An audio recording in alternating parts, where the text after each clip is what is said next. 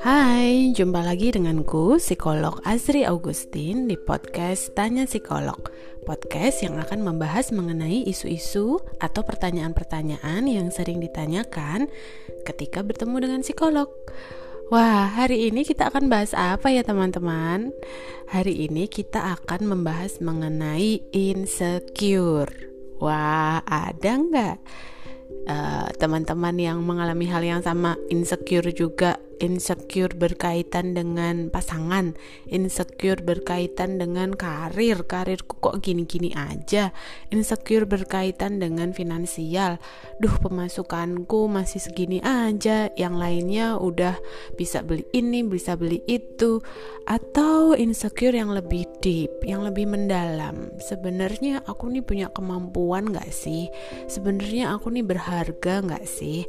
Atau jangan-jangan selama ini hanya keberuntungan aja yang menyertaiku. Tenang, yuk siapin catatan, siapin tisu kalau misalnya nanti mewek. Oke. Okay. Tapi tenang aja, kita akan bahas santai ya. Boleh siap-siap dulu, kita akan bahas mengenai insecure.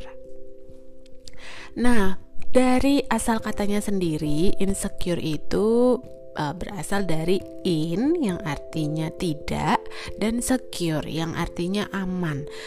Dalam uh, secara konteks uh, kalimat kalimat utuh gitu ya, kita bisa bahasakan insecure ini sebagai perasaan tidak aman terhadap kondisi diri sendiri.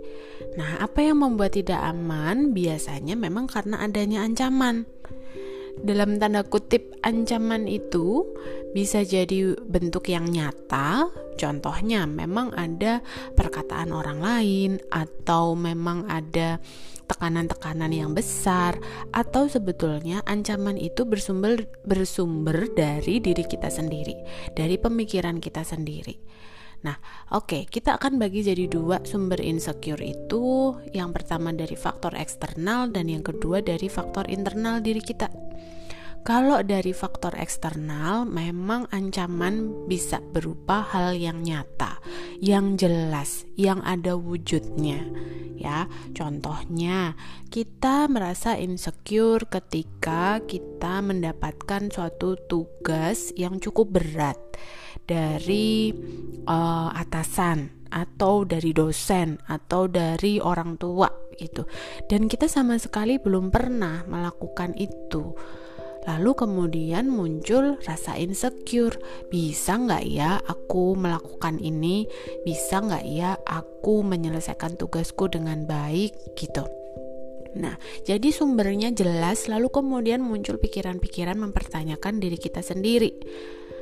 Yang spesifik adalah mempertanyakan kemampuan diri kita. Aku nanti berhasil tidak, aku bisa atau tidak, ini akan jadi uh, masalah atau tidak dan lain sebagainya gitu. Tapi sumbernya jelas ya, sumbernya dari uh, adanya tekanan, adanya tugas, adanya tanggung jawab yang baru. Karena memang kita belum pernah. Apakah tipe yang seperti ini wajar? Sebetulnya wajar aja ya sama seperti kita diajak untuk berada di uh, kota yang baru yang kita belum pernah kunjungi sama sekali. Lalu tiba-tiba kita di, diminta untuk berangkat ke sana sendiri. Tentu ada perasaan was-was ada perasaan khawatir ada perasaan kita memprediksi apa yang akan terjadi di masa depan apa yang akan terjadi di sana ketika aku melangkah ke kota baru itu gitu Nah, itu adalah reaksi-reaksi yang wajar. Kalau kemudian uh, perasaan insecure itu tidak menetap, ya, ya jadi uh, dapat tanggung jawab, kemudian kita ngerasa insecure bisa nggak ya, bisa nggak ya gitu, kita ngerasa nggak aman, nah, itu sebetulnya adalah reaksi yang wajar. Tapi yang tidak wajar adalah ketika kemudian kita uh, terus menerus dengan pikiran-pikiran insecure kita sendiri, lalu kemudian muncul reaksi-reaksi fisik, jantung kita berdebar cepat, lalu mungkin juga keringat dingin atau akhirnya kita memutuskan untuk udah deh aku lari aja aku kabur aja aku nggak ngambil tanggung jawab itu. Nah itu yang akan jadi problem teman-teman karena kita sudah memprediksi duluan lalu kemudian pada akhirnya kita mengambil tindakan yang mungkin tidak adaptif yang nggak sesuai gitu sama situasi dan lingkungannya Nah, ini adalah insecure yang sebetulnya uh, sering dialami ya ketika menghadapi situasi yang baru, tekanan, tuntutan, uh, dan tanggung jawab yang baru. Nah, mungkin ada banyak juga ya uh, insecure-insecure yang lain yang sebenarnya munculnya dari faktor luar dan jelas gitu. Bisa jadi karena tanggung jawab yang baru, bisa jadi karena uh, langsung diminta untuk mengambil alih suatu tugas. Nah, itu uh, bisa jadi sumber insekuritas. Tapi kalau kita lihat lagi yang kedua nih, insecure yang kedua itu adalah insecure yang sebenarnya sumbernya dari diri kita sendiri. Gak ada angin, gak ada hujan, tiba-tiba kita ngerasa aduh kok aku kayak gini ya? Teman-temanku udah udah berhasil kok aku belum. Teman-temanku udah nikah udah pada punya anak misalnya ya. Kok aku belum ya? Di mana sih jodohku? Gitu. Kalau misalnya kita bisa searching di Google mungkin kita cari ya di Google ya eh jodohku yang mana? Gitu. Sayangnya kan ya nggak bisa kita lakukan. Kemudian oh, ketika teman-teman yang lain yang lahir di tahun-tahun yang sama itu sudah memulai karir, kemudian posting di Instagram, nah posting di Instagram, wah dia udah bisa ke mana, dia udah sampai di uh, level manager, level apa segala macam ya, dan kita sendiri masih uh, struggling mencari pekerjaan. Nah, itu yang bisa menjadi sumber insecure yang lainnya. Padahal sebetulnya ancamannya, ya ancamannya itu tidak benar-benar nyata. Gak beneran kemudian kamu langsung dijatuhin uh, beban atau tidak beneran langsung dijatuhi tanggung jawab seperti tipe uh, sumber insecure yang pertama ya yang dari luar. Kalau yang ini kan kemudian muncul insekuritas, muncul merasa nggak nyaman, merasa nggak aman karena sebetulnya kita mempersepsikan situasi yang ada di lingkungan itu dengan proses berpikir yang keliru, yang butuh diluruskan. Ya. Ingat prinsipnya adalah segala sesuatu yang terjadi di lingkungan itu netral. Hanya bagaimana cara kita mempersepsikan lingkungan itu yang kemudian akan memberikan efek ke dalam diri kita, ke perasaan, ke tindakan, ke sensasi tubuh gitu. Ngeliat postingan di Instagram, temen uh, misalnya, wah serah terima jabatan baru sebagai manajer di perusahaan A misalnya gitu. Itu kan netral aja. Nggak ngetek kamu nggak kemudian uh, dikirim DM ke kamu eh aku udah gini loh kamu gimana? Itu kan juga enggak tapi kemudian permainan pikiran kita sendiri yang membuat kita otomatis membandingkan posisi kita dengan posisi orang lain. Nah itulah sumber uh, pemicu munculnya insecure. Pertama, ketika kita membandingkan posisi diri kita dengan posisi orang lain, kita nggak pernah tahu bagaimana jungkir baliknya orang lain, bagaimana kemudian harga mahal ya dalam tanda kutip yang harus dia bayar untuk mendapatkan posisinya sekarang. Mungkin dia udah uh, berkali-kali masuk rumah sakit karena tipes, karena harus lembur dan lain sebagainya. Nah, kita nggak pernah tahu itu, tapi kemudian kita hanya melihat data dia sudah sampai di puncak nih, sedangkan aku masih mencoba untuk bisa uh, struggling mencari pekerjaan atau ada di posisiku yang sekarang gitu. Nah, itulah sebenarnya sumber insecure yang muncul dari dalam diri kita sendiri karena kita membandingkan posisi diri kita dengan orang lain. Dan yang kedua, kita membandingkan lagi diri kita yang sekarang dengan diri kita yang lalu yang mungkin dianggap punya kemampuan lebih di zaman dulu dibandingkan sekarang. Dulu ketika masih di organisasi kampus, aku aktif banget, aku vokal, aku gini, aku gitu. Aku jadi ketua BEM misalnya atau aku jadi ketua panitia apa segala macem. Nah sekarang aku nggak ngapa-ngapain. Udah selesai kuliah lulus malah justru aku di rumah aja. Isinya tiap hari ngangkatin jemuran diminta tolong sama orang tua.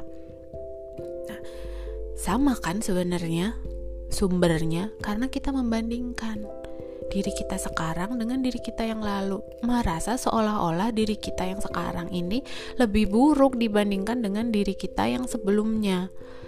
Hei, dirimu yang dulu itu belum mendapatkan ijazah, belum mendapatkan transkrip. Dirimu yang sekarang sudah jelas mendapatkan transkrip, sudah jelas mendapatkan ijazah. Artinya itu suatu pencapaian yang luar biasa. Itu faktanya perkara kemudian dulu aku aktif di organisasi dan lain sebagainya ya ini masalah kesempatan juga sebenarnya di situasi pandemi seperti ini kesempatan untuk bisa aktif organisasi uh, kemudian jadi lebih terbatas jadi it's okay untuk uh, mencoba melihat situasi hanya di masa sekarang. Gitu. Nah tadi ya membandingkan diri sendiri dengan orang lain kemudian membandingkan diri kita yang sekarang dengan yang dulu yang dianggap lebih berhasil zaman dulu atau bisa juga sumber insecure yang dari dalam diri kita itu kalau kita sudah sering sekali menilai diri sendiri kamu buruk, kamu jelek, kamu kurang, kamu apa, kamu seharusnya begini gitu. Jadi yang ada dirimu itu bukannya kemudian dirangkul, didorong, dimotivasi, disayangi, dipeluk, dipuk-puk, tapi kemudian yang muncul dialog-dialog internal dalam dirimu adalah kamu gak berguna. Ah kayak gini aja kamu gak beres. Apply pekerjaan kok gak dapet-dapet.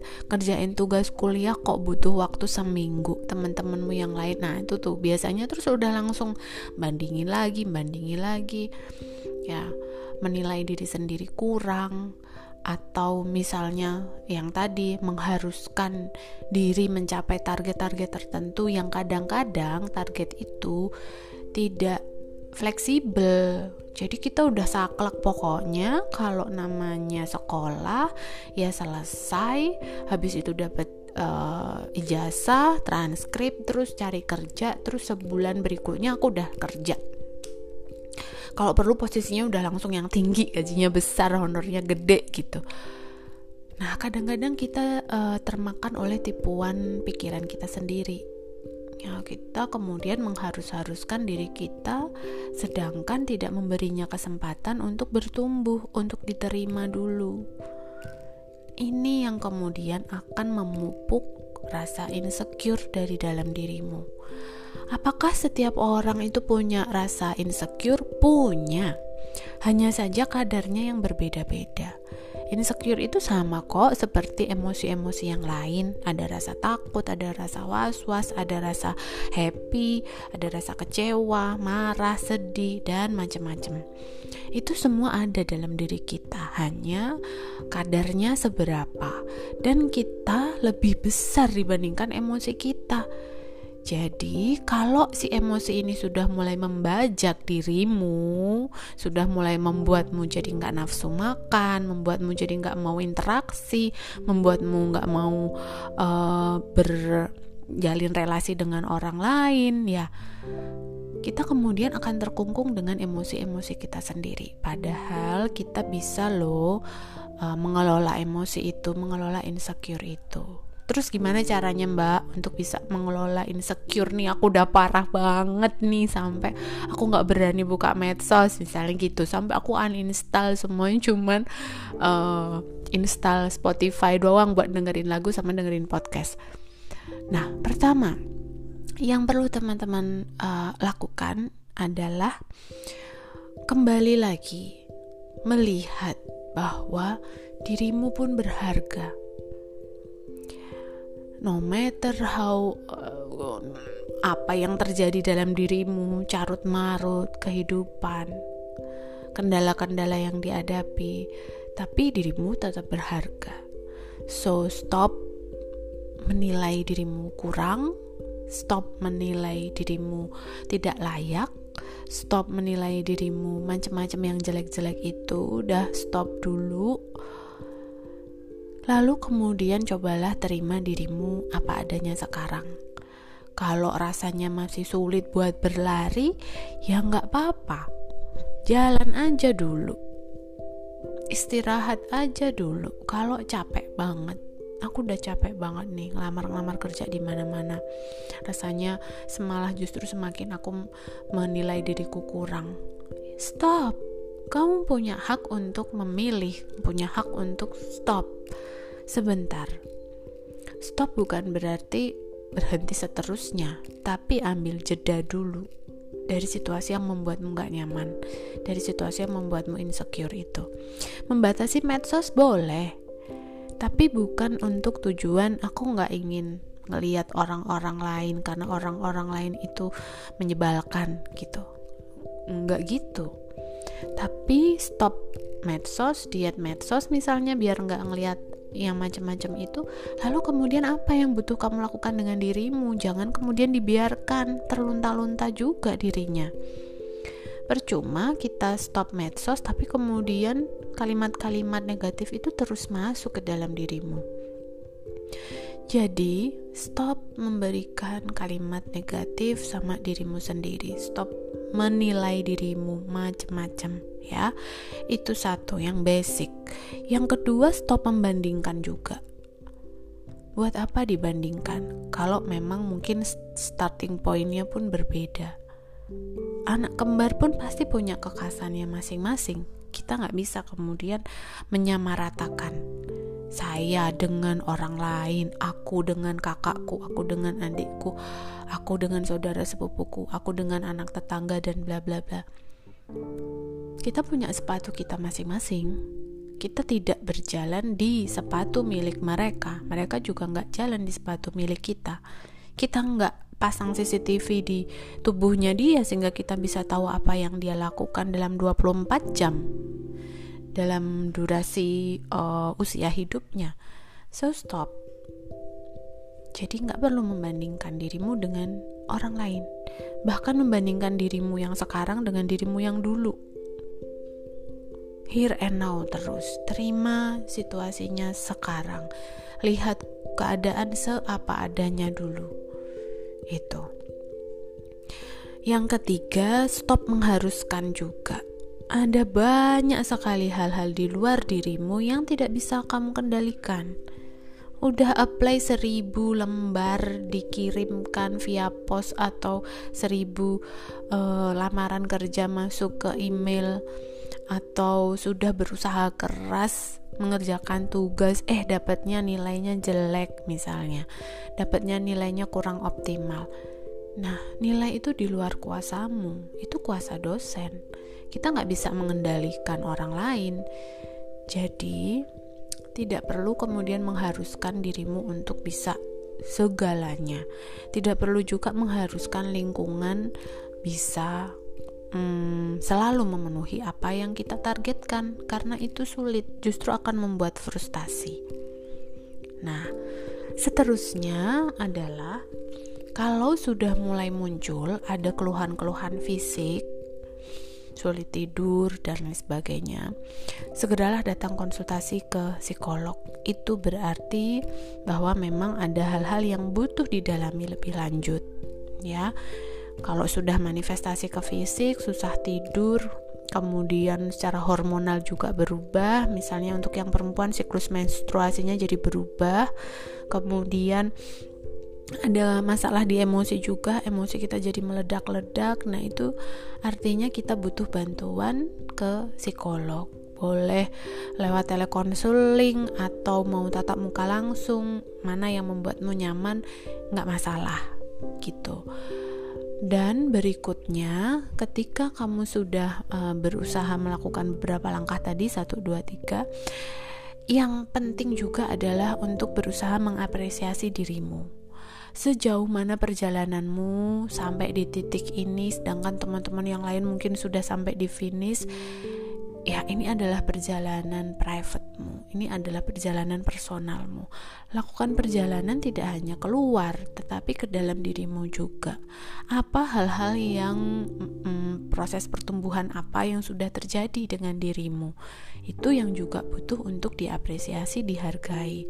Boleh ambil waktu sesekali ketemu sama dirinya sendiri, dikatakan, "Hei diriku, terima kasih ya, sampai sejauh ini kamu sudah berusaha luar biasa. Kamu sudah berusaha untuk bisa mengembangkan dirimu, sudah berupaya untuk memberikan kemampuan terbaikmu. Aku sangat menghargainya. Terima kasih ya. Maafkan jika selama ini aku masih banyak sekali mengabaikanmu, menilaimu, mengharuskanmu, menuntutmu. Tapi kali ini aku akan berusaha untuk menemanimu, menerimamu, mencintaimu dengan lebih lagi boleh dikatakan seperti itu ke dirinya sehingga kemudian dirimu pun juga seperti punya energi baru lagi, punya orang yang bisa menerima. Nah, itu beberapa tips ya, teman-teman, berkaitan dengan cara pengelolaan insekuritas. Kalau kalian masih membutuhkan bantuan, boleh uh, mau chat aku juga bisa di Halodoc atau mau lakukan konsultasi dengan psikolog-psikolog yang ada di kotamu. Ingat, tidak perlu menunggu masalahmu jadi rumit untuk datang konsultasi ke psikolog. Ini adalah akhir dari podcast uh, kali ini. Kita akan bahas isu-isu berkaitan dengan psikologi di podcast podcast berikutnya. Nantikan terus ya. Dah. thank you